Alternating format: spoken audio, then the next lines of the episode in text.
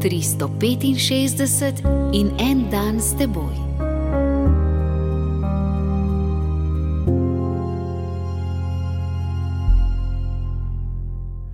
Iz Matejevega evangelija, 11. poglavje, 25. vrstica.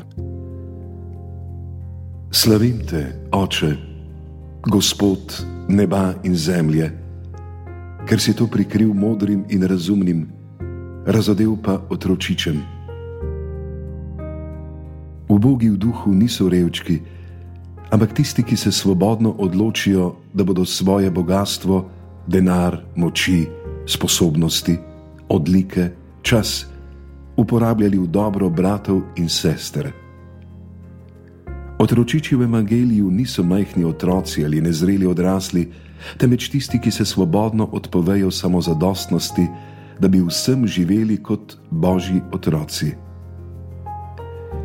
Klara iz Asizija, živela je od 1191 do 1253, je v noči na 18. marec 1212 v skromni cerkvici Svete Marije Angelske darovala svoje svetle kite.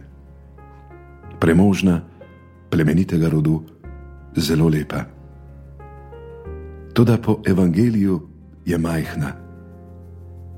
Zato je znala videti v Frančišku neistirjenega mladeniča, ki je izgubil pamet, temveč čudovitega pričevalca za Jezusa. Premagala je nasprotovanje staršev in posmeh ljudi, ter sledila božjemu norčku s tako predanostjo, kakor jo zmore izkazovati samo zaljubljena ženska, in postane druga izvedba Frančiška v ženski podobi.